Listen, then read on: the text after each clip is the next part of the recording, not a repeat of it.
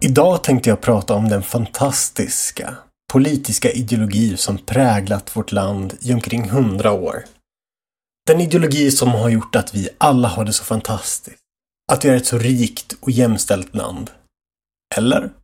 Men innan jag börjar så vill jag påminna dig om att du kan swisha mig på 070-287 0684 070 287 0684 Genom att göra det här så skänker du en peng till oss fattiga som sitter här ensamma hemma och poddar.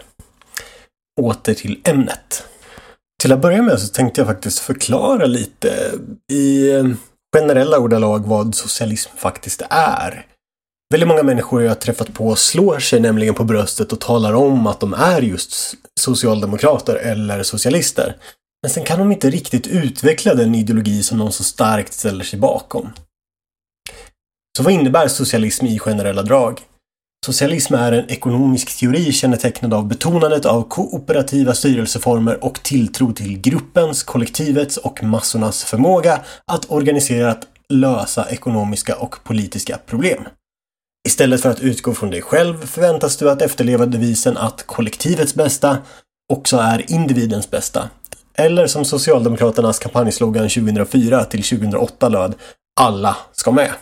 Och det är vare sig vi vill eller ej, verkar det som. Vi ska bara med. Det finns, så for, det finns förstås olika former av socialism. Generellt så är socialism grundad i marxismen. Om jag i väldigt generella ordalag ska förklara just marxism så skulle jag vilja säga att det är en starkt egalitär ideologi. En ideologi som strävar efter att fördela pengar och makt så att alla är så lika som det bara är möjligt. I många fall även så pass att samhället blir helt fritt från klasser. Man vill helt enkelt genom statlig inblandning få till så stor likhet som möjligt mellan individer och samhällsgrupper. Initialt handlade detta mer eller mindre bara om just klass. Idag handlar det även om till exempel kön, etniska grupper, sexuell läggning och så vidare. Något som socialism ställer sig bakom är fokus på den gemensamma stora fienden, nämligen kapitalisten. Det finns en inneboende tro hos socialisten om att kapitalism koncentrerar tillgångar till en liten minoritet. Det vill säga att om marknaden är fri så kommer pengar tillfalla endast en liten, liten grupp människor som sitter och gottar sig i lyx och flärd medan den stora massan svälter. Ofta förespråkas olika former av system där pengar ska fördelas mellan människor, regler kring hur mycket saker och ting får kosta som mest, hur mycket olika branscher eller företag får tjäna och så vidare. Man vill kort och gott att staten ska styra makt och pengar in i minsta detalj, så att inte någon som helst upplevd orättvisa förekommer. För den sanne socialisten är kapitalism den stora fienden som sagt. Kapitalism innebär, för dig som inte vet, att kapital är en egendom som ägs av privata aktörer. Resurser, varor, tjänster och så vidare säljs sedan på marknaden enligt producenters och konsumenters samtycke. En sak som jag fick lära mig ganska tidigt var att efterfrågan styr marknaden. Det här är något som eh, socialister inte alltid verkar skriva under på. Socialister verkar tro att marknaden är av ondo och att den rika pampen på toppen alltid kommer att köra över varenda enskild individ i jakten på pengar. Och att de alltid kommer få in sina pengar eftersom att folk inte har något annat val än att betala för deras dyra och inhumana produkt. Visst, det finns en liten poäng i socialisternas argument kring marknaden som sådan och det, det, är att det finns alltid en risk för att företag växer sig så pass stora att de i princip har monopol på marknaden.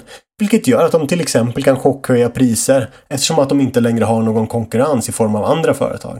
Antalet sådana exempel på nationell nivå i form av privata monopol alltså, är i mina ögon ja, nästintill obefintligt. Jag kan på rak arm inte komma på något exempel överhuvudtaget. Vid en snabb googling hittar jag en del exempel inom till exempel el och värme eller telefoni och bredband men jag tycker inte att vi ser en chockhöjning av priser eller att standarden är dålig för det. Eller? När vi istället pratar om monopol dyker ett och annat statligt exempel upp i mitt huvud. SJ och alla regionala kollektivtrafikbolag, Systembolaget, Arbetsförmedlingen, Public Service.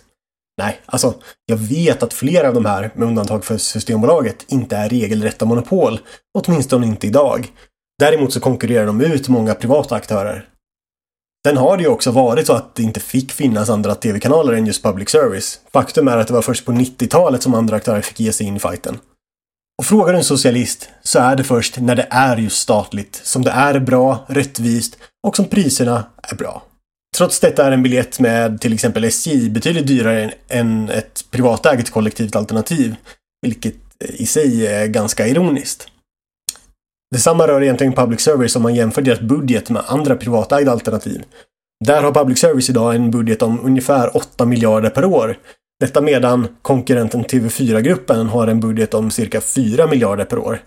Sen har ju staten klivit in i TV4 som delägare, vilket är, ja, jag antar att det är vägen mot oberoende media. För att förhindra korruption, nepotism och alltför stora klasskillnader vill socialisten därmed gärna reglera det mesta så att ingen kan tjäna alldeles för mycket pengar. Helst ska staten stå vid rodret och tjäna pengarna själva för att sedan dela ut det till folket i form av olika bidrag eller andra bestämda utdelningar. Framför ser jag mig en typ av prins John med sin serväs i Robin Hood.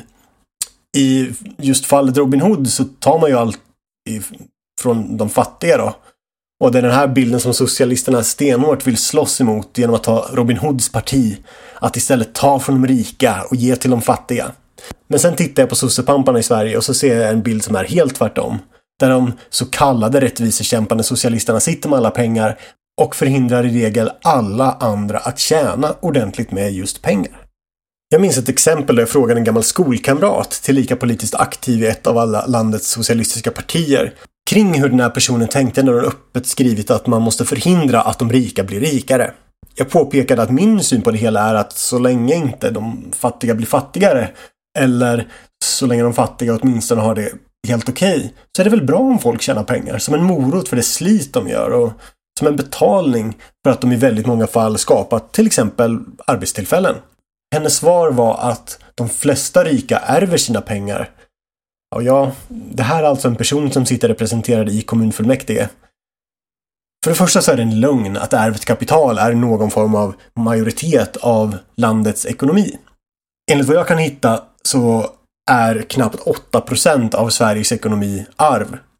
Detta jämfört med år 1810 där arven utgjorde närmare 16% av ekonomin just den här socialisten kanske lever kvar med någon bild av att Sverige idag är precis som på 1800-talet. Vad vet jag? Men inte ens då var andelen så hög att man skulle kunna prata om arv som en stor del av landets ekonomi. Men någonstans tror jag att det är precis det här som socialister förväntas tro. Man har en typ av bild av kapitalism och klass som om det är faktorer som på ett ondskefullt sätt får varandra att växa likt ett jättelikt mörker av ondska. För om man har pengar så är det ju enligt vad socialisterna verkar tro för att man har fötts i en rik familj med just mycket pengar. Så får man ärva och på så sätt finns det ingen möjlighet för någon annan i landet att ta del av de här pengarna. Därför är de här få individerna rika och alla andra är jättefattiga och utsatta. Man verkar se ganska fyrkantigt på allt det här. Som att Sveriges ekonomi alltid vore 100% om endast 20% av befolkningen sitter på 80% av pengarna så innebär det att 80% av befolkningen får dela på de återstående 20 procenten. Ja, det, det, kan ju stämma om det är resultatet precis när man mäter. Vad som är viktigt att förstå är att ekonomi inte är ett fyrkantigt begrepp på ett sånt sätt som när du räknade enkel addition eller subtraktion i skolan. Typ, Maria har fyra äpplen. Tommy kommer och tar tre äpplen från Maria. Hur många äpplen har Maria kvar? Ekonomi och valutor är betydligt mer flexibla än så. Ett lands ekonomi kan växa och förväntas också växa över tid. Den kan också minska. Den påverkas konstant av inflation, deflation och så vidare. Pengars värde är därmed inte på något sätt en absolut. Och därför måste socialisterna sluta referera till ekonomi som att det vore en absolut. Och även om det hade varit så att en majoritet av landets ekonomi, eller åtminstone en stor del av densamma, bestod av just arv, vad hade varit problemet? Om jag har en hög med pengar och ger den till dig, varför ska inte jag få ge dig pengar utan staten ska lägga sig i? Ja, jag förstår argumentationen bakom att någon skulle lämnas utanför, fattig, smutsig och svältande. Men är det verkligen så i Sverige? Enligt statistik så lever bara 1,2 procent eller cirka 100 000 personer i så kallat allvarlig materiell fattigdom. Detta jämfört med till exempel Bulgariens 43,6 procent eller Rumäniens 29,4. Det här är dock siffror från 2011. Det finns något färskare siffror från SCB Eh, som rör 2017 och antyder att den materiella fattigdomen i Sverige istället sjunkit till 0,8 procent av befolkningen. Alla de här siffrorna och alla källor finns i beskrivningen till avsnittet. Materiell fattigdom som sådan innebär krast att man inte kan betala oförutsedda avgifter, att man inte har råd med en veckas semester, att man inte kan erbjuda en måltid med kött, fisk eller kyckling åtminstone varannan dag, att man inte har råd att värma upp sin bostad, att man inte har tvättmaskin, färg-tv, telefon eller bil i hushållet, samt att man saknar möjlighet att betala sina skulder. Även om definitionen av materiell fattigdom är densamma överallt inom EU så tänker jag mig att konsekvensen av den materiella fattigdomen varierar. Det sociala skyddsnätet i Sverige är stort. Så även om du inte har råd med bil, tvättmaskin eller kan äta en fin bit kött varannan dag så innebär det ju inte att du ligger utkastad på gatan, ensam, frusen och döende. De bidrag som betalas ut baseras på en så kallad riksnorm. Riksnormen tar hänsyn till hur många personer som finns i ditt hushåll, ålder på barn och skolungdomar, om barn och skolungdomar äter lunch hemma och om vuxna är ensamstående eller sammanboende. Riksnormen innehåller samtidigt kostnader för livsmedel, kläder och skor, fritid och lek, hygien, barn och ungdomsförsäkring, förbrukningsvaror, dagstidning och telefon. Detta utöver det som Socialstyrelsen sedan skjuter till för att betala för ditt boende. Det vill säga så att du ska ha tak över huvudet. Även om det inte är en önskvärd situation att leva på den här typen av existensminimum så skulle jag ändå vilja påstå att det samtidigt inte är fråga om svält och ond bråd död. Den materiella standarden i Sverige är med andra ord förhållandevis hög och det är en väldigt liten andel av befolkningen som faktiskt är fattiga. 2017 fick 215 000 hushåll med totalt 408 000 individer ekonomiskt bistånd någon gång under året. Detta till ett belopp om ungefär 10,7 miljarder kronor. Det låter ju ganska mycket, men spontant tycker jag inte att det är det. Jämför det med till exempel de 77 miljarder kronor som Arbetsförmedlingen kostar varje år. Där den enskilt största posten är olika typer av arbetsmarknadsinsatser, det vill säga bidrag. Enligt SCB var 2017 endast 13,3 procent av befolkningen på något sätt bidragsberoende. Återigen, den materiella standarden är hög. Fattigdomen är låg. Svenskar svälter inte. Vänta. Här vill jag rätta mig själv faktiskt. Enligt en artikel från 2016 så svälter svenskar visst. Men inte i form av arbetslösa fattiga, utan i form av pensionärer på våra äldreboenden. Men annars så svälter inte svenskar. Min poäng är att varför är det så farligt om några personer här och där tjänar mer eller till och med om allt fler tjänar mer och mer så länge som den absoluta botten är, med risk för att välja fel typ av ord, men så länge den absoluta botten är helt okej. Okay. Jag minns en annan bekant, tillika en av mina bästa barndomsvänner, som också gjorde en karriär som företrädare för ett socialistiskt parti i kommunfullmäktige.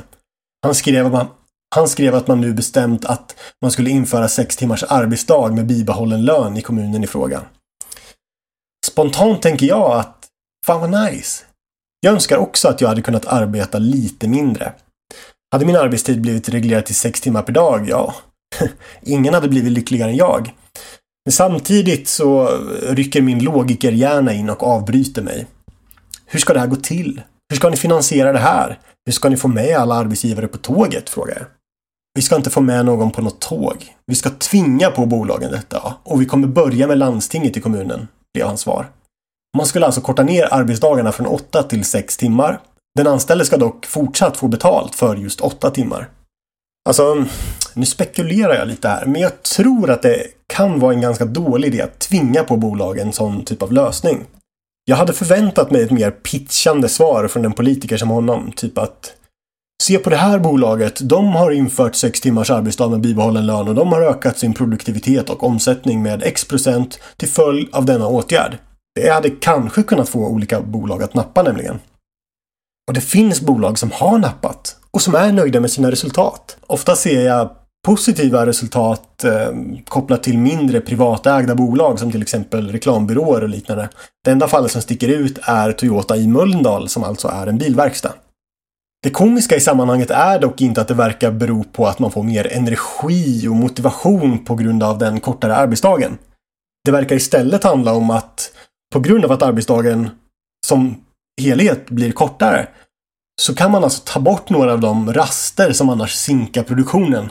Så plötsligt lät det inte jätteeffektivt. Det lät åtminstone inte som att det här var en fördel för de anställda. Och det låter inte som att det är lika applicerbart inom precis alla andra branscher. Min gamla kompis, tillika kommunfullmäktige politiker, ville alltså inte argumentera för sin idé, sälja in den eller pitcha liksom. Istället ska det införas med tvång. Vi har alltid varit för snälla mot företag i Sverige, utbrast han. Ja, allt är relativt antar jag.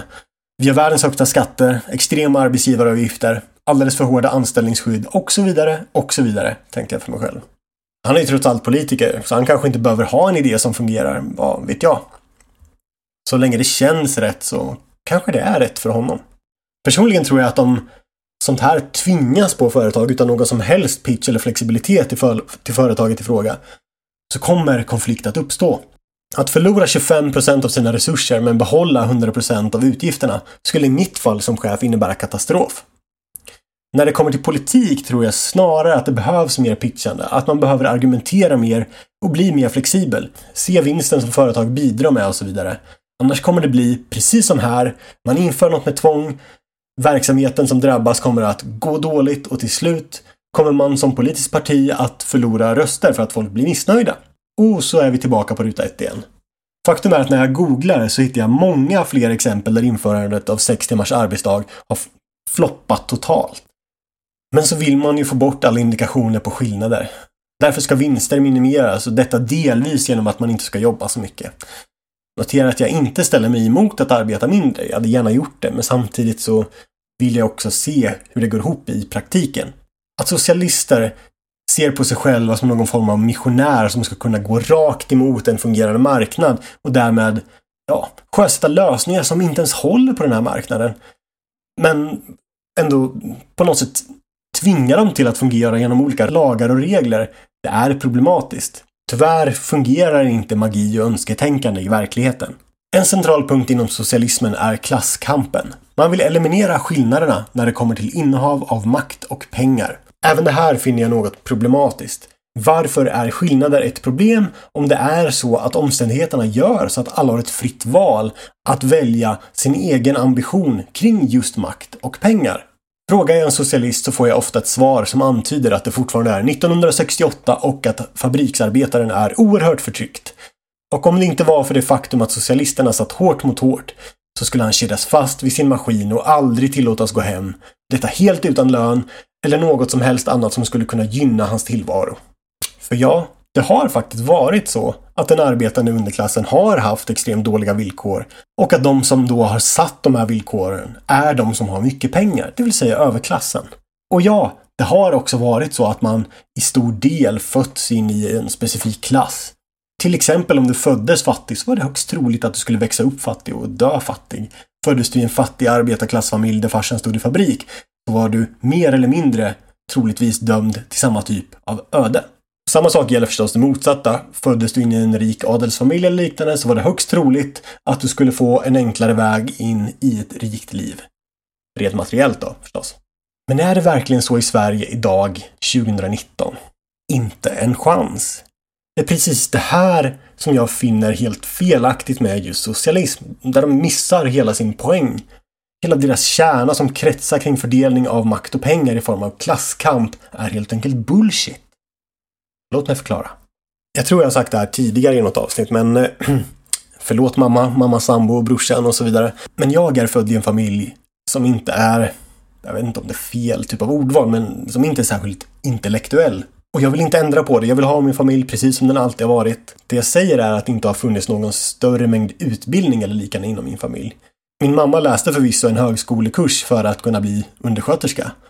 Men förutom det så har mamma sambo aldrig ens pluggat på gymnasienivå. Pappa har läst på gymnasiet men har därefter varit väktare för att sen bli förtidspensionär. Brorsan har gått på fordonslinjen efter något år då han läste upp sina tyvärr i övrigt ganska dåliga betyg. Utöver det har det inte funnits någon större ambition för läsning, psykologi, mänskligt beteende, ledarskap och så vidare. Man har valt väldigt vanliga jobb och inte haft så mycket ambition till något större rent kar karriärmässigt. Med socialisternas logik bör jag därför vara dömd till ett liv i exakt samma bana Något som förstås inte är sant. Personligen intresserade jag mig väldigt tidigt för språk. Jag både läste och skrev redan vid 3-4 års ålder och började lära mig en del engelska ord även där. Dock har jag aldrig riktigt haft underbarnsbetyg i skolan i alla ämnen sådär. Jag, jag var godkänd rakt igenom, men det var ungefär på den nivån det var. Mycket handlade i mina ögon om att jag upplevde det så otroligt meningslöst att lägga min dyrbara tid, tid på något som man sen inte skulle ha användning för ändå. Detsamma rörde egentligen gymnasiet. I vissa specifika ämnen kunde jag sätta ett MVG enligt dåtidens betygsskala utan att det var någon som helst ansträngning. I andra fall fick jag slita hårt för att försöka engagera mig och ens verka intresserad. Efter gymnasiet så kände jag inte för att plugga mer. Jag var ganska skoltrött faktiskt. Åtminstone var det så jag kände där och då. Jag tänkte likt eh, många andra i min ålder och sitt att jag skulle ta något sabbatsår, jobba lite, resa lite och sen fick jag se vad jag skulle plugga därefter. Tidigt redan som 10-11-åring började jag faktiskt programmera enklare små hemsidor, animera egna små filmer och enklare spel. Jag hade ett brinnande IT-intresse och när mamma sambo hade köpt hem en, en hemdator genom sitt jobb så var det jag som blev sittandes där. Det var jag som visste hur allt fungerade, hur man installerade saker, uppgraderade. Jag bytte nätverkskort, ljudkort, satte i extra hårddiskar och så vidare. Samtidigt stod mamma och hennes sambo där som frågetecken. De hade ingen aning om vad jag pysslade med. Så efter gymnasiet fick jag ganska omgående en temporär tjänst som webbmaster på ett stort företag. Tanken var att det bara skulle vara i sex månader och att sen skulle jag göra något annat. Kanske plugga. Istället blev jag kvar i över åtta år och på det spåret har det varit. Därefter har jag klättrat i karriären. Detta genom att ha flyttats till företagets ledningskontor. Jag fick ett jobb inom IT, inom offentlig verksamhet för att sedan bli renodlad projektledare och sedermera även chef. Jag har flyttat runt i landet och klättrat rejält både vad rör position och lön. Och allt detta med en treårig gymnasieutbildning i media i ryggen. Jag ska säga att jag har gått en del projektlednings och ledarskapsutbildningar. Dessa har dock finansierats av mina tidigare arbetsgivare. Det jag försöker säga är att socialisterna har fel i sin tro om att klasstillhörighet på något sätt ärvs. Med den logiken hade jag idag bott kvar i den lilla hålan i Småland, arbetat på fabrik och haft en lön under 25 000 kronor i månaden. Istället arbetar jag som högt uppsatt chef inom IT på ett stort börsnoterat företag i centrala Stockholm. Du är alltså inte bunden till din klass. Du kan klättra och ta dig vidare. Men det är inte helt utan motkrav. Det är till och med ganska svårt. Och det är precis här som socialismen fallerar med att se hur verkligheten faktiskt fungerar. Socialisterna verkar tro att alla yrken är lika mycket värda. Det är de inte. Och det må låta hårt, men på en kapitalistisk marknad är det precis så det fungerar. Det du får i lön speglas ofta av vad du själv lyckas bringa företaget i form av intäkter. En städerska, ursäkta exemplet, men en städerska bringar ganska lite. Medan en strategisk chef som sätter en tydlig plan framåt och får med alla anställda på tåget bringar ganska mycket mer. En annan aspekt är hur utbytbar du är. En städerska återigen är förhållandevis enkel att byta ut. Om jag ska generalisera så, vem som helst kan egentligen städa. Sätt städredskap i händerna på dem och be dem städa liksom. Vem som helst kan inte sätta en mångmiljonbudget, planera resurser för flera år framöver, styra upp systemintegrationer till affärskritiska kassasystem och så vidare och så vidare och så vidare. Och framförallt, alla vill inte det här sistnämnda heller. Återigen så verkar man se på pengar som något fyrkantigt. Att ett chefsjobb bara skulle tillfalla mig för att jag fötts in i en rik familj. Så är det ju alltså inte. En välbärgad chef med sin auktoritära hållning kanske lyckas fostra ett auktoritärt barn som är mer bekväm med att ta lid på saker och ting och som därmed lyckas bättre i livet medan Nisse i fabriken inte har samma förutsättningar. Det kanske blir en fördel, men därmed är det inte sagt att du föds in i din klass. Faktum är att du själv sätter din egen ambitionsnivå. Och väljer du bort karriär och pengar för annat så är det okej. Okay.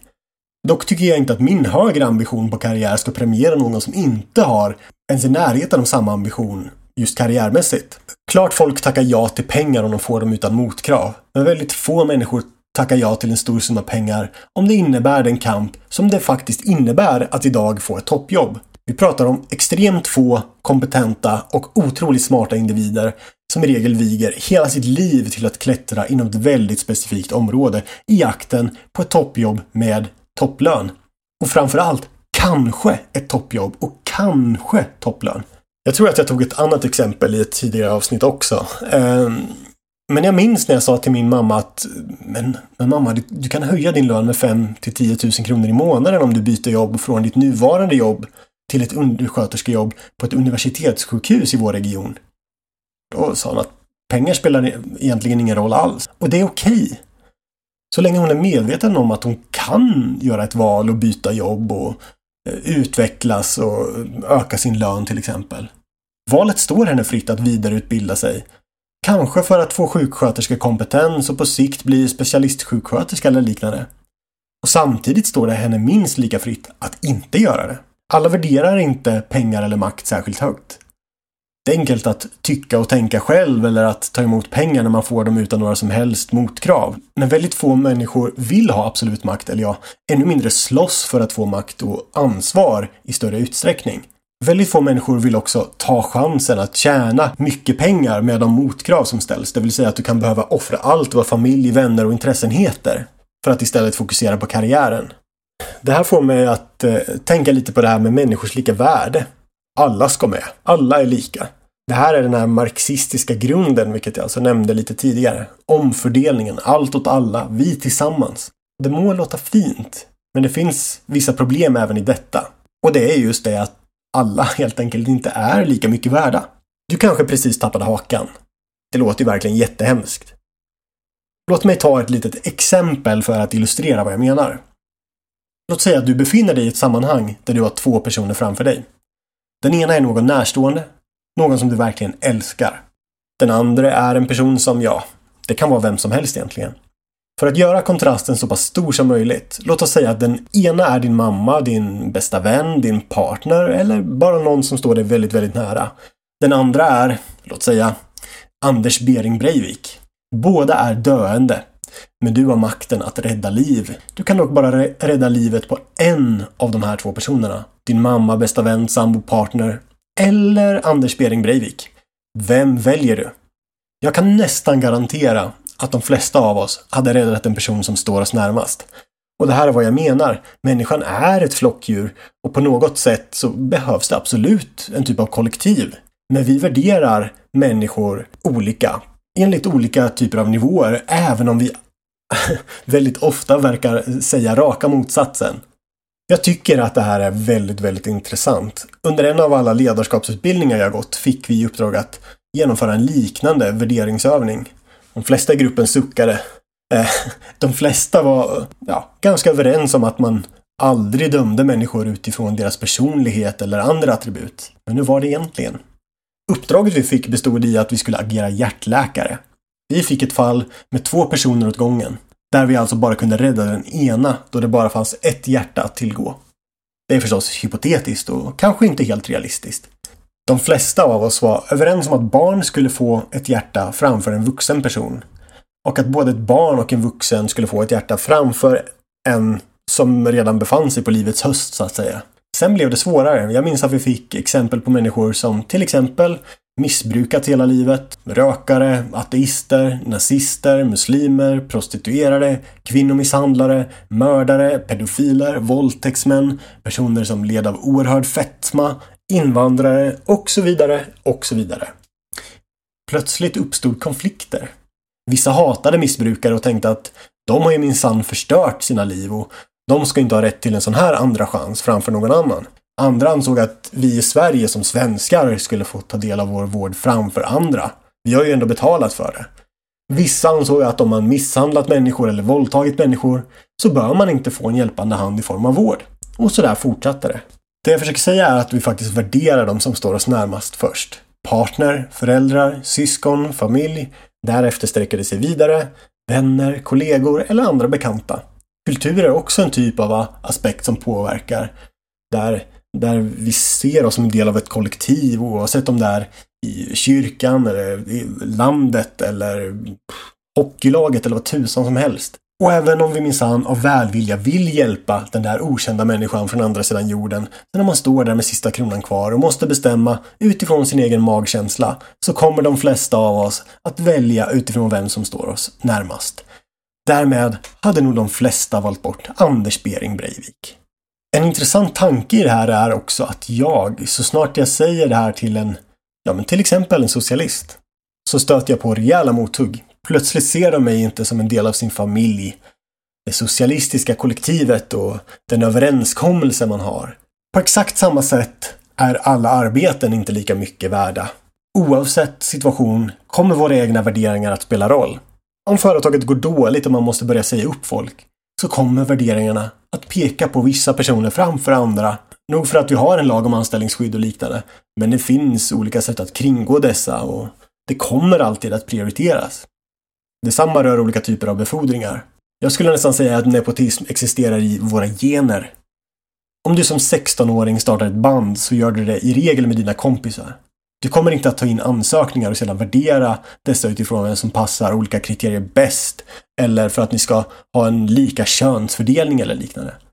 Hamnar du sedan i clinch med någon så är det garanterat den personen som får gå och inte nödvändigtvis den som kom in sist eller liknande för att det ska vara rättvist. Detsamma gäller egentligen på arbetsplatser och liknande. Om det ska rekryteras en säljare och du av en händelse råkar känna en säljare så är det klart att du rekommenderar den här personen. Sitter du som rekryterande chef har du ytterligare möjligheter att påverka utfallet. Och jag har så många gånger funderat kring hur många polare vissa personer lyckats rekrytera in i ett bolag. Detta gäller både offentlig och privat verksamhet där jag har sett det precis överallt. Vi värderar också alla människor. På sättet de klär sig, hur de ser ut, vad man röstar på, vilken ideologi man ställer sig bakom, religion eller vad tusan som helst. Själv är jag, mitt eh, lyxiga chefsyrke till trots, fylld av tatueringar och piercingar. Jag märker väldigt ofta hur detta påverkar sättet som människor bemöter mig på. Man ser mig per automatik som en liten ligist och en något sämre person som antagligen representerar företaget lite sämre. Detta trots att jag ibland gör ett mycket bättre jobb än genomsnittet. Andra som garanterat annars får förtur för att de är enligt mallen och gruppen som sådan. Det här med människors lika värde blir ännu mer intressant när man ser till skillnaden mellan olika typer av socialism. Allt handlar alltså om kollektivet och ett så lika utfall som möjligt. Olikheter kan uppmuntras, men enbart inom kollektivets ramar så att säga. Låt oss jämföra röd socialism, det vill säga den socialism som råder i Sverige idag, och gul socialism, eller för att slänga sig med ett lite mer vanligt ord, nationalsocialism. Socialister vill överlag inte se någon som helst koppling till nazister. Nej, vem vill det? Faktum är dock att det finns ganska många stora likheter. Den röda socialismen lever enligt devisen att alla ska ingå i kollektivet och att alla också ska kunna ingå i kollektivet. Väl i kollektivet finns en massa skyldigheter för att få vara en del av det här kollektivet. Men sedan viss frukt av att just vara en del av kollektivet. Det baseras mycket på att likheten mellan de som ingår i kollektivet ska vara så stor som möjligt. Man ska ta hand om varandra helt enkelt. Skillnaden är krast att de gula socialisterna ser att kollektivet bara omfattar till exempel den egna etniciteten, det egna folket eller liknande. Detta medan de röda socialisterna idag allt oftare ser dessa fördelar som något som vem som helst kan bli en del av. Nazisterna under andra världskriget genom Otto von Bismarck sjösatte till exempel en välfärdspolitik för Nazityskland. Detta genom att införa pensioner, försäkringssystem, sjukvårdsförsäkringar och så vidare. Detta la grunden för de moderna europeiska välfärdsstaterna som sedan kom att komma en efter en annan. Senare kom man även att införa vissa regler kring lönesättning och rätt till arbete för att säkra arbetarklassens trygghet på arbetsplatsen. Inte heller nazistiska rörelser som till exempel NMR, det vill säga Nordiska motståndsrörelsen, vill göra sig av med välfärdsstaten.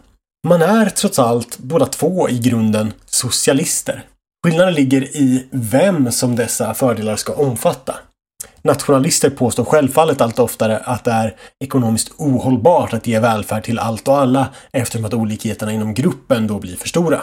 Trots detta delar man alltså grunden i omfördelningspolitiken, att staten ska bli en typ av barnvakt åt befolkningen. Om du får det svårt så ska staten finnas där med en utsträckt hand. När det kommer till just nazismen i Tyskland så pekas det ofta på att man svär en typ av lojalitet till landet. Detta lika väl som att nynazister i Sverige pratar om lojaliteten till fosterlandet. Detta skrattar många åt, inklusive jag själv. Jag finner inget som helst intresse till lojalitet till ett land eller att vilja dö för sitt land. Verkligen inte. Men det blir lite intressant när just röda socialister pekar på det här inom nationalsocialism. Jag tycker nämligen att de gör lite samma sak. Detta genom att försöka skapa det klassamhälle man själv påstår sig vilja motverka. Genom att skapa en demografi som är beroende av den egna politiken skapar man också en typ av lojalitet, även om det skiljer sig från det patriotiska inom nationalismen. Du skulle väl aldrig rösta bort din cancersjuka mormors fria sjukvård, eller hur? Du som är arbetslös och som har svårt att försörja dig själv skulle inte rösta emot socialbidrag från staten, eller hur? Även detta blir en liknande typ av lojalitet mot kollektivet och därmed även ideologin. Tyvärr kommer det antagligen inte spela någon roll hur knackigt socialismens Sverige går. Det är först när under och medelklass har offrats på socialismens altare som jag tror att man kommer ifrågasätta systemet som sådant. Vad menar jag med det? Ja, jag har ju redan ett timmeslångt avsnitt om svensk sjukvård. Men det är bara en sak i raden av statliga institutioner som tyvärr bara blir sämre och sämre. En annan sak är det här med skatter och avgifter. Det är ingen hemlighet att socialister i Sverige ofta pratar om hur just höga skatter är en nödvändighet. Precis som att Sverige inte hade fungerat överhuvudtaget utan de här höga skatterna. Det finns ju dock vissa problem. Jämför det hela med att du har tecknat ett nytt tv-abonnemang hemma. Du betalar skyhöga 699 kronor i månaden. Men för detta får du över 100 kanaler inklusive både sport och filmkanaler. Om det sedan visar sig att kanalutbudet successivt minskar, även om du fortsatt får betala 699 kronor i månaden, till en sådan grad att du till slut bara har SVT och TV4 kvar, då kommer du antagligen att vara ganska missnöjd med att få betala så mycket pengar för något som anses vara ganska grundläggande. Detta ganska flamsiga exempel skulle på ett visst sätt förvisso ganska långsökt sådant, kunna jämföras med Sveriges skattepolitik. Enkelt förklarat, om du betalar mycket pengar och får vad du själv anser vara ganska lite för dessa pengar, så kommer på sikt din motivation till att arbeta och betala skatt att minska. Det svar vi ofta får när vi hör sossar prata om skattetryck är att det inte spelar någon roll om det är dyrt att anställa och driva bolag i Sverige. Eller om skatten för dig som individ är hög. Fördelarna är så många och det faktum att vi är så coolt och bra land gör att höga skatter och avgifter inte spelar någon roll. Eller? Det är förstås så att olika skattenivåer ökar eller minskar incitamenten att arbeta och därmed också betala skatt. Ett sätt att illustrera det här är genom Lafferkurvan. Enligt denna kurva minskar skatteintäkterna om man sätter skattesatsen över den kallat optimala nivån. Detta genom att incitamenten att arbeta och betala skatt alltså minskar. Redan 1988, 2005 och 2011 genomfördes studier som konstaterade att Sveriges skattenivå var så pass långt över den optimala nivån att man gjorde klokt i att sänka skatterna. Tyvärr är det sällan vad vi bemöts av när politiker utfrågas angående skatteläget. Skatteläget används som någon form av argument för att motivera den egna politiken och det sociala skyddsnät som utlovas. Även om det sällan är så stabilt och bra som det påstås. Man verkar från socialdemokratins håll försöka få det att se fantastiskt ut. Precis som jag sa tidigare, som om folk struntar i hur höga skatterna är. Att det sociala skyddsnätet är allt och att man oklanderligt tillber den allsmäktiga guden välfärd, hur bra eller dåligt den än fungerar. Så är inte fallet. Jag minns redan under 90 och början av 2000-talet när mängder svenska industrier flyttade utomlands. En av dessa var den som min mammas sambo arbetade på. Ett pappersbruk mitt ute i den småländska urskogen. Bolaget bakom detta flyttade verksamheten till Indien för att spara pengar. Och det här var man långt ifrån ensam om. 2008 inträffade recessionen världen över, vilket även slog ganska hårt emot bolag i Sverige. Det bolag jag då arbetade på varslade ett stort antal personer och drog ner verksamheten markant. En av de största budgetposterna inom detta bolag var just personalkostnader, vilket påverkade bolagets ekonomi hårt i samband med att skatter och avgifter gjorde att till exempel stålpriset sköt i höjden. Även det här är bara ett i mängden av exempel. Ett annat högst relevant exempel är fallet med Nordea som här och nu har flyttat sitt huvudkontor till Finland detta för att slippa de resolutionsavgifter som regeringen flaggat för att höja samt en bankskatt regeringen 2019 pratat om att införa. Kontentan blir förlorade arbetstillfällen och skatteintäkter för Sverige genom att incitamenten att fortsätta med verksamheten i Sverige just minskat. Så hur mycket pengar får staten från dig som arbetar egentligen? Frågar man gemene man blir svaret antagligen ja, runt, runt 30 procent. Men det är ganska långt ifrån sanningen även om dessa runt 30 procent är vad du ser när du öppnar ditt lönekuvert. Utöver de här cirka 30 procenten som du redan vet om finns ett par andra saker du bör känna till. Till exempel grundas inkomstskattenivån på den skattenivå som råder i just din kommun. Sanningen är alltså inte att du betalar 30% skatt utan någonstans mellan 29 och 34% Olika kommuner har alltså olika skattenivåer. Utöver detta betalar du också mer skatt om du tjänar mer. Om du tjänar mer än 490 700 kronor per år eller ungefär 40 800 kronor i månaden så betalar du 20% skatt extra på det belopp som överstiger just 490 700 kronor per år. Detta är vad som kallas statlig skatt.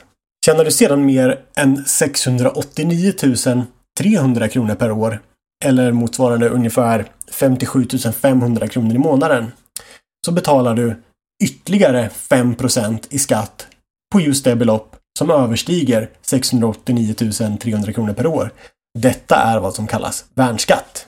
För att ta ett konkret exempel direkt ur verkligheten kan jag offra mig själv för gruppen och kollektivet och outa både mig själv och min egen lön. Jag arbetar idag alltså som e-handelschef på ett stort bolag och har en lön på ungefär 62 000 kronor i månaden eller motsvarande 744 000 kronor per år. Med min lön så ser det ut ungefär så här. Jag har alltså en lön på 62 000 kronor i månaden. Av dessa dras 19 852 kronor i kommunalskatt. Det är alltså denna skatt vi vanligtvis pratar om som cirka 30 procent. Sedan får jag tillbaka en del pengar i form av ett eh, jobbskatteavdrag. Tack så mycket Alliansen. Detta om ungefär 2278 kronor i månaden. Sedan betalar jag ytterligare 4 164 kronor i månaden i statlig inkomstskatt, 154 kronor i månaden i begravningsavgift och ja, eh, 112 kronor i månaden i public service-avgift. Kvar blir cirka 39 900 kronor i månaden. Bara här talar vi totalt om en skatt på ungefär 36 procent. Men även det här är långt ifrån sanningen. Tittar vi sedan även på vad arbetsgivaren betalar så betalar de inte 62 000 kronor i månaden för mig. Istället betalar man, ja, i mitt fall, cirka 81 480 kronor i månaden. 19 480 kronor i månaden i form av arbetsgivaravgifter och sedan tillkommer cirka 7 599 kronor i månaden i form av moms och punktskatter. Av 81 480 kronor i månaden dras cirka 49 084 kronor i månaden i form av skatter och avgifter. Oavsett om det är jag själv eller arbetsgivaren som betalar. Räknar man på totalen så är det alltså långt över de där 36 procenten i skatt som vi tidigare talade om. I just mitt fall går nästan 62 procent direkt till staten. Och detta är då enbart i form av vad som betalas ut i lön.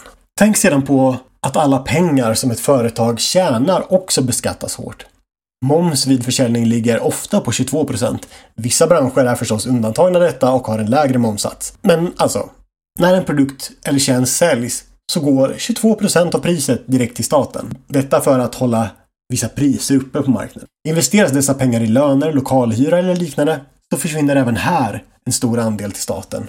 Om du driver ett enskilt bolag kan du ofta räkna med att staten tar ungefär hälften av allt du tjänar. Och är det som jag, chef, som rekryterar in personal så är en allmänt vedertagen riktlinje i Sverige att om du ska anställa någon så bör du räkna med att den här personen bör gynna företaget genom intäkter om ungefär 60% över den månadslön som den här personen har varje månad innan man börjar gå plus på resursen i fråga. Själv extra knäckte jag även som eh, frilansfilmare ett tag. Jag filmade, klippte film och så vidare åt olika företag.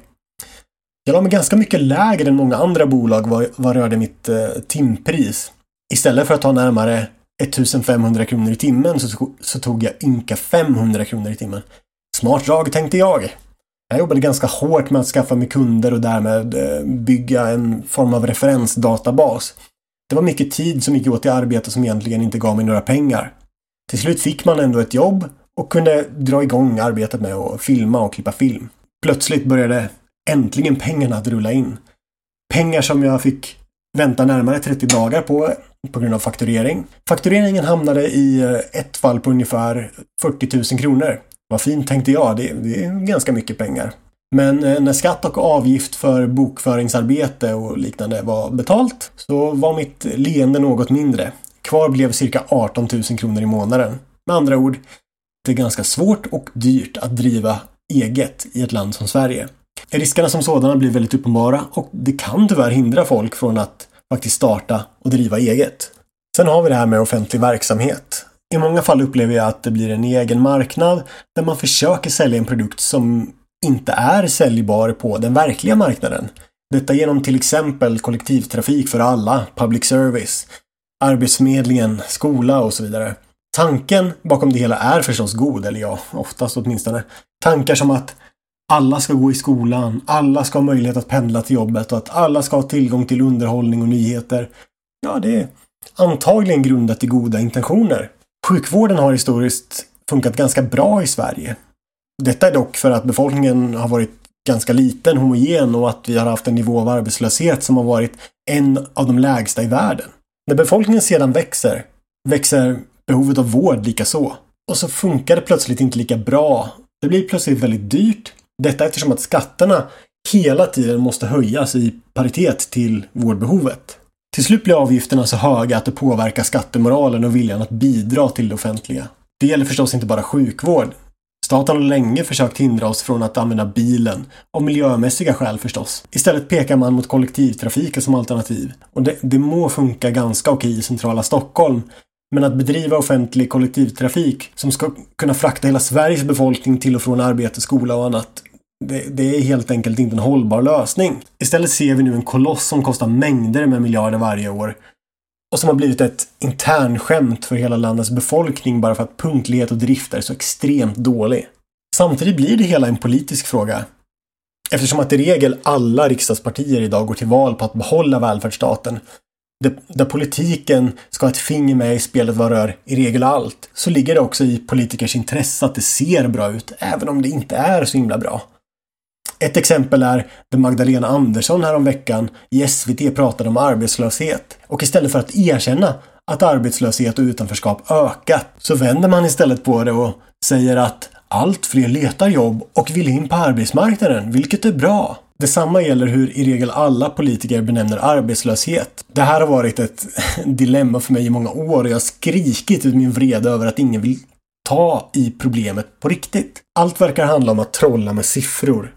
Bara för att politiken ska se så bra ut som möjligt. Det, det ligger trots allt i politikernas intresse att deras välfärdsmyt ser så stark ut som möjligt. Återigen, i regel alla pratar om att arbetslösheten är låg och att den har sjunkit. Det man ofta slänger sig med är begreppet sysselsättning som man rent felaktigt blandar ihop med arbetslöshet. Detta är ungefär som när SJ, vilket jag pratat om tidigare, ändrar definitionen av en försening för att påstå att allt upp till 15 minuter försening inte alls är en försening och att helt inställda tåg inte ens ses som en försening, trots att det alltså handlar om förseningar. En person ses som sysselsatt om denne under veckan som mätningen görs arbetar minst en timme under en av veckans arbetsdagar. Om en person är sjukskriven eller ingår i ett arbetsmarknadspolitiskt program, vilket alltså finansieras med skattemedel, så ses personen ändå som sysselsatt. Fattar ni vad det här betyder? Om jag går på praktik genom Arbetsförmedlingen och formellt sett är arbetslös, men får bidrag för att några timmar i veckan stå på en skitig industri gratis, så ses jag alltså som sysselsatt och därmed inte arbetslös. Om jag är sjukskriven och får sjuklön genom Försäkringskassan, då ses jag också som sysselsatt och inte arbetslös. Om jag går en utbildning för arbetslösa genom Arbetsförmedlingen, detta finansierat med bidrag, ses jag också som sysselsatt och inte arbetslös. Om jag en gång i veckan arbetar en dag och tjänar några hundralappar innan skatt, vilket jag inte på långa vägar kan försörja mig på, då ses jag också som sysselsatt och inte arbetslös. Man får det att låta som att arbetslösheten minskat och som att Sverige går som tåget. Detta när verkligheten är sådan att den politiker som egentligen hittar på flest låtsasjobb som finansieras genom skattemedel får siffrorna att se bäst ut och därmed vinner. Så hur ser det egentligen ut? Vad rör just arbetslösheten så vet vi att Sverige 2019 har ungefär 7,1 procents arbetslöshet. Enligt statistiken är cirka 25 procent eller cirka 2,5 miljoner personer i Sverige av så kallad utländsk härkomst. Anders Borg pratade redan 2014 om ett socialbidragsberoende bland invandrare på över 50 procent. Ser man till fakta rörande utomeuropeiska invandrare i Sverige så råder en ren arbetslöshet på närmare 50 procent. Översätter man det till rena siffror av det jag just berättade så innebär det att 1,3 miljoner arbetslösa invandrare finns i Sverige idag. Cirka 12 till 14 procent av Sveriges befolkning. Trots detta redovisar våra politiker alltså en så kallad arbetslöshet om endast 7,1 procent. Och då har vi alltså inte ens tagit hänsyn till arbetslösa så kallade etniska svenskar. Siffrorna går alltså inte ihop. Det är någonting som inte stämmer. Och istället för att tala klarspråk om hur situationen ser ut så väljer man alltså att ändra definitionen. Detta för att ge en bild av verkligheten som ser bättre ut än vad den egentligen är. Tyvärr tror jag detta är resultatet av politiskt inflytande och statligt ägande. Politikerna går till val på de här frågorna. Att mycket måste hållas under statens vingar för att inte drivas till korruption, att folk hamnar utanför och så vidare. Trots detta går Arbetsförmedlingen, den statliga skolan, den offentliga vården och så vidare sämre än någonsin. Tyvärr verkar det inte gå åt rätt håll heller. Samtidigt står ofta den politiska eliten och pratar om rasism kopplat till diskussioner rörande varför personer av utländsk härkomst har svårt att komma in på arbetsmarknaden. Det görs ingen koppling mellan de extremt hårda lagarna kring anställningsskydd och höga skatter och avgifter. Det blir förstås ett hinder när man ska anställa en person som sedan inte kan sägas upp och som kostar bolaget extremt mycket pengar.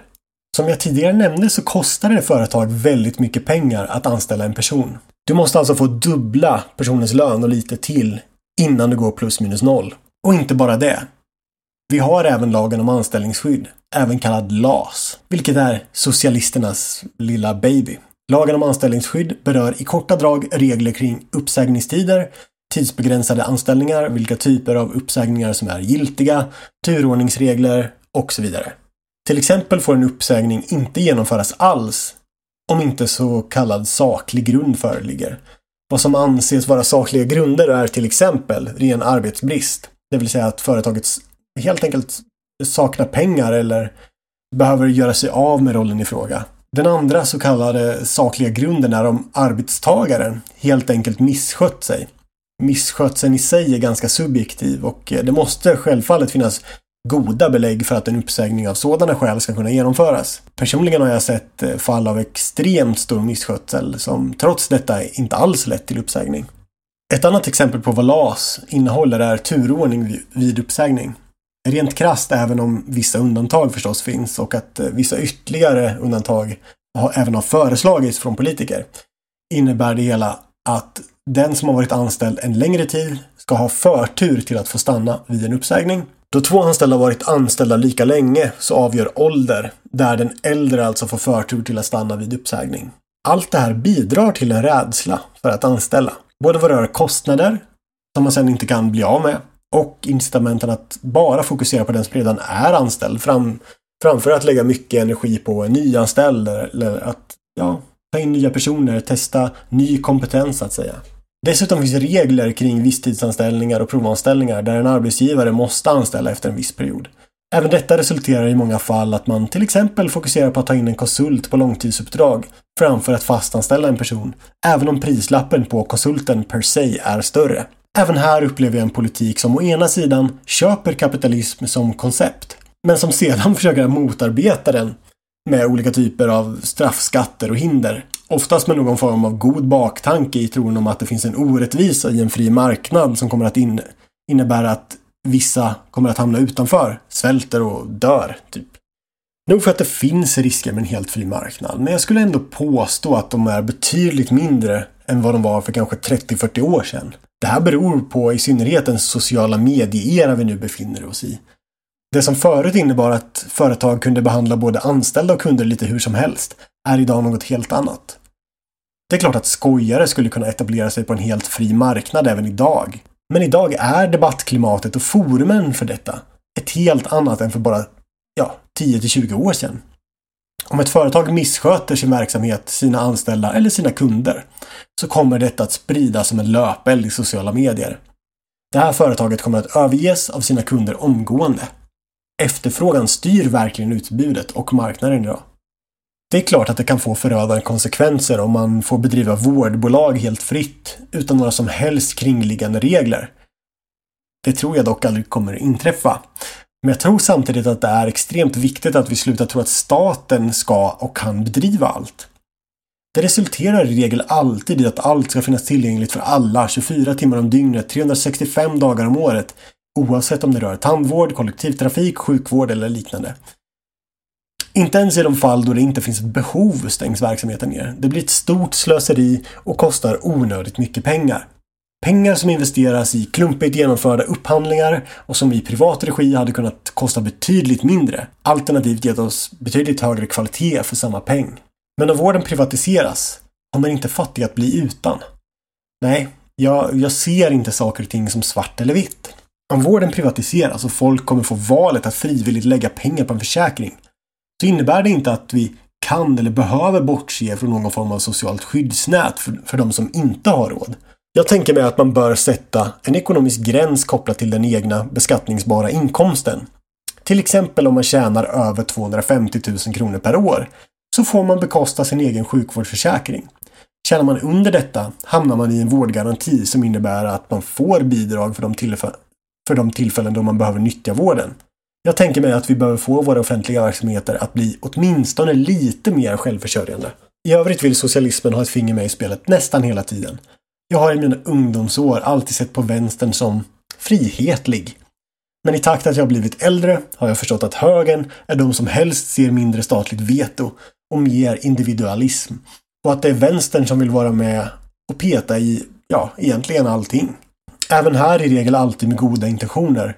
Men det blir i längden något som tyvärr, enligt mig själv, skapar en korkad befolkning som stannar i utvecklingen. Vi har till exempel hört ett antal förslag kring olika typer av förbud. Vissa har genomförts, andra inte. Några exempel är förbud mot nazistiska och rasistiska organisationer, förbud mot nazistiska och rasistiska symboler, förbud mot olika typer av droger, rökförbud på uteserveringar, slöjförbud, hets mot folkgrupp, porrförbud, sockerskatt, flygskatt, skatt på plastpåsar, sinnessjuka drivmedelsskatter, vinstförbud inom till exempel skola och äldreomsorg, hyresregleringar och så vidare och så vidare. Allt detta för att alla ska med, alla ska ha råd och ingen ska under några som helst omständigheter få fara lite illa. Narkotikapolitiken är ett område där jag själv har ändrat uppfattning genom åren. Jag har i regel alltid varit väldigt, väldigt konservativ vad gäller narkotika. Jag har aldrig brukat narkotika annat än när staten genom den offentliga sjukvården har skrivit ut just narkotika för att lindra min ångest. I övrigt har jag inte brukat överhuvudtaget, mest för att jag inte haft något behov av det. Ett tag gick jag på allt snack om det livsfarliga dödsknarket och ja, många fastnar i missbruk och det finns självfallet exempel där folk har dött eller dödat andra som ett resultat av sitt missbruk. Dock talar siffrorna sitt tydliga språk. Länder som har mer liberal narkotikapolitik har betydligt lägre narkotikadödlighet än länder som just Sverige. Anledningen är självfallet att det är kriminellt att både bruka och sälja narkotika i Sverige. Därmed drar man sig från att söka hjälp när ens missbruk har gått fullständigt överstyr. Dessutom, i en tid där ungdomarna pundar mer än någon tidigare generation så är det ändå förhållandevis få som fastnar i allvarliga beroenden och missbruk. Det är precis som med alkohol en ganska liten andel människor som fastnar i ett missbruk. Att få personer inte kan handskas med en drog det bör inte bli ett straff för alla andra. Att extremt överviktiga personer inte kan sluta äta fett och socker bör inte straffa oss andra genom att vi ska hindras från att äta en påse godis en lördag eller att smälla en pizza på bakfyllan. Inte heller bör vi förbjudas från att titta på porr bara för att några enstaka individer kan skilja på verklighet och fiktion på film. Inte heller bör staten lägga sig i hur vi klär oss. Det är klart att det finns problem om i synnerhet kvinnor från fjärran länder tvingas att bära slöja. Men å andra sidan så bör man få välja att bära slöja om, om man nu vill. Inte heller ord gör skada. Jag tycker att det är beklämmande att staten ska in och peka med hela handen kring om någon har skrivit något hemskt om en folkgrupp, religion, politisk organisation, någons kön, någons sexuella läggning eller liknande på sociala medier till exempel. Om du inte kan ta hårda ord bör du snarare grow some balls. Istället blir det att vi lägger hutlösa polisiära resurser på att jaga någon som har skrivit något elakt om islam på Facebook. Tonåringen som röker en joint en lördag, personer som tittar på porr för egen njutning eller människor som klär sig utanför vad som anses vara normalt. Vi närmar oss dessutom ett samhälle där befolkningen inte riktigt förväntas tänka själva. Staten ska bli den där dygnet runt barnvakten.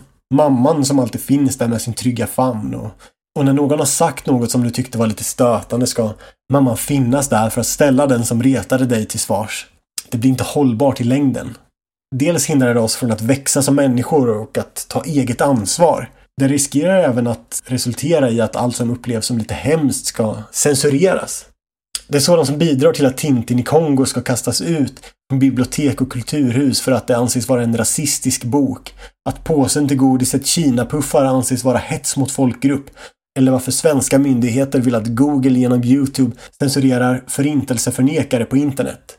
I fallet med Tintin i Kongo kan man tycka precis vad som helst. Oavsett om det är en förlegad syn om mörkhyade som presenteras i boken i fråga tror jag att det är viktigt att historien får leva vidare. Det är förstås vårt eget ansvar att förklara för kommande generationer att just detta är en förlegad syn på, i just det här fallet, svarta. Ska vi plötsligt glömma allt som varit så tror jag att vi är extremt illa ute och tyvärr riskerar att, att begå samma misstag på nytt. Vad från verkligheten ska censureras ytterligare eftersom att någon kan bli lite stött? Vad rör godiset Kinapuffar så är det tyvärr bara ett i raden patetiska försök till att hitta rasism i dagliga skitsaker. Vi har bland annat fall där man påstod att glassen 88 var rasistisk eftersom att åttonde bokstaven i alfabetet är H och 88 blir därmed HH, vilket av någon foliat till människa anses stå för Heil Hitler. Ja, du hade rätt. Ett annat fall rör glassen Nogger Black, vilket också påstås vara rasism. I reklamen för Nogger Black skrevs glassens namn med rundade bokstäver. En person hade läst Nogger som nigger och ansåg att det fanns ett dolt rasistiskt budskap bakom. Jag blir så trött. Att svenska myndigheter sedan försöker censurera internet genom att filtrera bort sånt som verkar farligt, hemskt, fake news eller vad man nu kallar det. Det anser jag är riktigt farligt. Även om vi inte kan jämföra Sverige med Nordkorea så tycker jag ändå att ett varningens finger bör höjas. Nazistiska budskap får till exempel de flesta att kräkas lite i munnen. Med all rätt ska sägas. Dock tycker jag att det är extremt farligt att vilja förbjuda åsikter. Dels för att åsikter i sig inte skadar. Det är viktigt att vi håller oss utbildade och lär oss ifrågasätta budskap som tenderar till att resultera i strömningar som går helt emot våra egna värderingar. Men det är precis som med allt annat. Om staten ska filtrera ut information så kommer vi aldrig att uppnå någon form av källkritik. Och vi kommer framför allt aldrig att se bjälken i vårt eget öga. Om det är så att staten börjar förtrycka oss. Vi behöver och ska alltid premiera källkritik och möjligheten att frågasätta. Det är som det här snacket om fake news inför både det amerikanska och svenska valet. Det pratades om att ryska makter hade investerat pengar i politiska annonser på Facebook. Annonserna i fråga kommunicerade ett budskap vilket handlade om att man skulle rösta åt ena eller det andra hållet. Till exempel pratades det om en kampanj som smutskastade Hillary Clinton och uppmuntrade till stöd för Donald Trump. Gör man allt det här på lögner så är det väl förstås tråkigt. Men det folk behöver lära sig i större utsträckning än idag är att just ifrågasätta.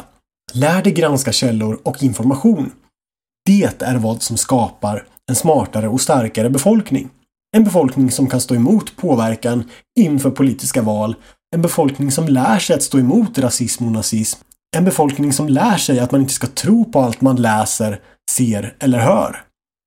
Men istället vill socialisterna förbjuda sånt som verkar gå emot den egna värdegrunden. I Sverige har vi allt mer fått höra om det här med antidemokratiska krafter. Många är livrädda och verkar tro att 30-talet står runt hörnet. Därför måste vi förbjuda påstått rasistiska organisationer. Det har till och med pratats om att just detta är en anledning till att till exempel förbjuda SD eftersom att gaskamrar och koncentrationsläger är nästa steg om vi inte gör något. Återigen, jag blir så trött. Låt mig betona att jag inte gillar SD. Jag är inte en sympatisör, inte någonstans.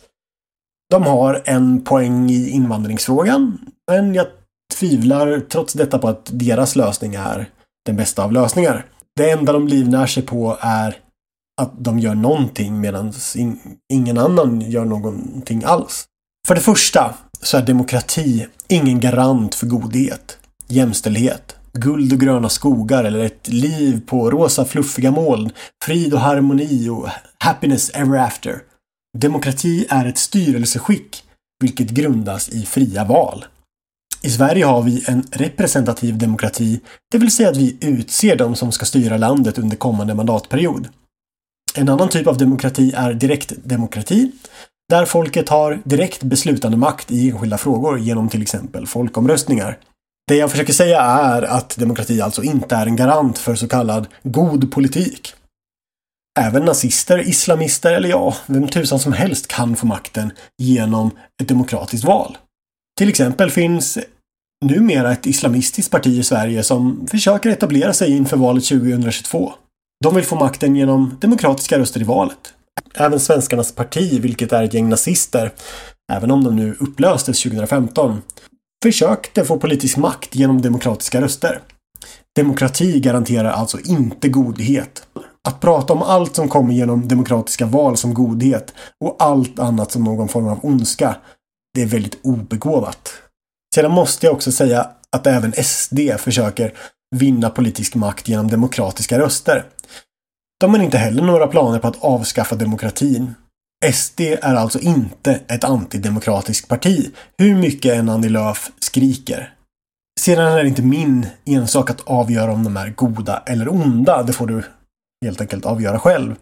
Personligen tycker jag dock att de verkar ha mer gemensamt med Socialdemokraterna än valfri nazistisk organisation, men ja, det kanske gör dem onda förvisso. Det låter jag vara osagt. Vi ska inte vara rädda för ideologier som inte stämmer överens med våra egna. Jag skulle snarare säga att olika åsikter är nödvändigt. Om det alltid ska råda politisk konsensus riskerar vi tyvärr att hamna i en situation där ingenting någonsin ifrågasätts. Och ingen vågar gå emot strömmen. På så sätt stannar all utveckling och vi blir ett land som aldrig utvecklas till det bättre eftersom att alla står tysta och väntar på besked från staten. Lite Nordkorea låter det väl ändå som. Sen ska vi självfallet få ifrågasätta både nazism och rasism, vilket jag så tycker att vi ska. Men att vägra prata med, debattera med eller ens tillåta rasistiska partier att existera, det kommer aldrig ge något. I ett sunt debattklimat tillåts även rasistiska åsikter. Men de kommer att argumenteras ner väldigt, väldigt enkelt. En smart befolkning lär sig också vad som inte fungerar och vad som blir en form av varningssignal inför ett totalitärt styre som i sig är negativt. Men där är vi inte idag. Istället står vi och skriker om att 30-talet står runt hörnet och att rasistiska organisationer måste förbjudas. Samtidigt som miljörörelsen pratar om att en politisk organisation med politiskt veto måste bildas. En politisk grupp som får trumfa alla politiska beslut. Med miljön i åtanke förstås. Och att demokratiska val måste bort med hänsyn till miljön. Det om något är väl tecken på totalitärt styre. Men så sitter vi och stirrar oss blinda efter en kopia på 30-talet som antagligen aldrig lär återuppstå. Vi behöver lära oss att ifrågasätta betydligt mer än idag. Socialismen präglar idag och sedan i regel hundra år bakåt i tiden Sverige. Det har även blivit så att man ockuperat feminism och miljörörelsen. Man bygger upp allt till att handla om andel, makt och pengar. Den med mycket makt och pengar blir automatiskt någon form av ondska som förtrycker den goda arbetaren. Detsamma gäller feminism där man förvisso baserar allt på kön. Men även där pratas det evigt om att den rika, vita, heterosexuella mannen som något stort problem. Så även inom miljörörelsen där den välbärgade vita mannen ska vara den som smutsar ner och förstör miljön. Vi såg senast här om veckan demonstrationer för klimatet som pratade om capitalism versus the environment och begrepp som klimatsocialism myntades. Alla de här verkar sträva efter lika utfall där det finns en exakt representation av inkomst, makt, hudfärg, kön, sexualitet och så vidare. Och det spelar ingen roll om den framkommer av sig själv eller genom tvång, den ska bara uppnås. Och det verkar som att tvång är det verktyg som vi har att vänta. Symbolpolitik som får det att se bättre ut än vad det egentligen är blir därför vår nya vardag. Människor som tjänar mycket pengar ska därför straffbeskattas. Detta trots att det idag är så att både snickare, lokförare med flera tjänar så pass mycket att de behöver betala statlig skatt. Det är inte längre bara överklassen som tjänar mycket pengar. Vi ska också bestraffas för att vi flyger eller använder plastpåsar. Detta trots att det svenska inrikesflyget bara står för 0,2 procent av världens flygutsläpp. Flygets utsläpp internationellt står sedan för enbart 2-3 procent av all världens koldioxidutsläpp. Det gör alltså egentligen ingen som helst skillnad om vi skulle lyckas få stopp på flygandet helt och hållet. Detsamma rör det här med plastpåsar. Enligt undersökningar som gjorts är alternativ i form av en tygpåse sämre för miljön. En tygpåse måste nämligen användas över 20 000 gånger innan det blir mer miljövänlig än en ynka plastpåse. Samtidigt hamnar i regel ingen svensk plast i natur och hav. Det ska kvoteras in kvinnor på olika positioner inom arbets och föreningsliv för att göra landet mer jämställt. Samtidigt ska kvinnor få förtur till olika arbeten, föräldraledighet ska öronmärkas till båda parter i ett förhållande och så vidare och så vidare. Detta trots att vi alla har möjligheten att fatta våra egna beslut. Det ska vara lika helt enkelt, eller se lika ut. Även om vi inte gör valet frivilligt och även om man kan tycka att påtvingad jämställdhet inte alls är jämställdhet. Om en kvinna ska tvingas bli chef eller om en man ska tvingas arbeta på dagis bara för att det ska se lite jämnare ut, så innebär det att vi inte har jämställdhet. Jämställdhet har nämligen ingenting med utfall att göra. Samtidigt ser vi hur metoo har lamslagit Sverige med en ny samtyckeslag och nya definitioner för vad ett sexuellt övergrepp är. Nu ska det utredas om en man har dragit sexskämt på jobbet, juckat i luften bakom en kvinnlig kollega eller om någon har lagt handen på en annan persons lår. Det kanske inte är trevligt eller särskilt väluppfostrat, men att slösa på polisiära resurser på sånt som vilken människa som helst borde kunna ta med en klackspark, svälja skiten och sedan gå vidare. Ja, det, det är beklagligt. Vi lever i ett land där allt mer makt tillfaller staten. Vi oroar oss för att skriva på ett avtal i webbläsaren Chrome där det står att Google får tillgång till all vår information. Men samtidigt har vi en stat i Sverige som verkar vilja bestämma vem som ska jobba var. Att folk inte får tjäna hur mycket pengar som helst. Vi ska beskattas till döds. Vi får inte röka, dricka eller äta vad vi vill, hur vi vill. Staten ska hela tiden finnas där med pekpinnen så att vi inte gör något som kan anses skada den fina moralen. Allt vi gör är i hög grad beroende av staten. Som jag nämnde tidigare kommer ingen att rösta emot den hand som föder honom eller henne. Ingen kommer att rösta emot sin mormors fria sjukvård. Den föräldrapeng man får för att vara hemma med sitt barn.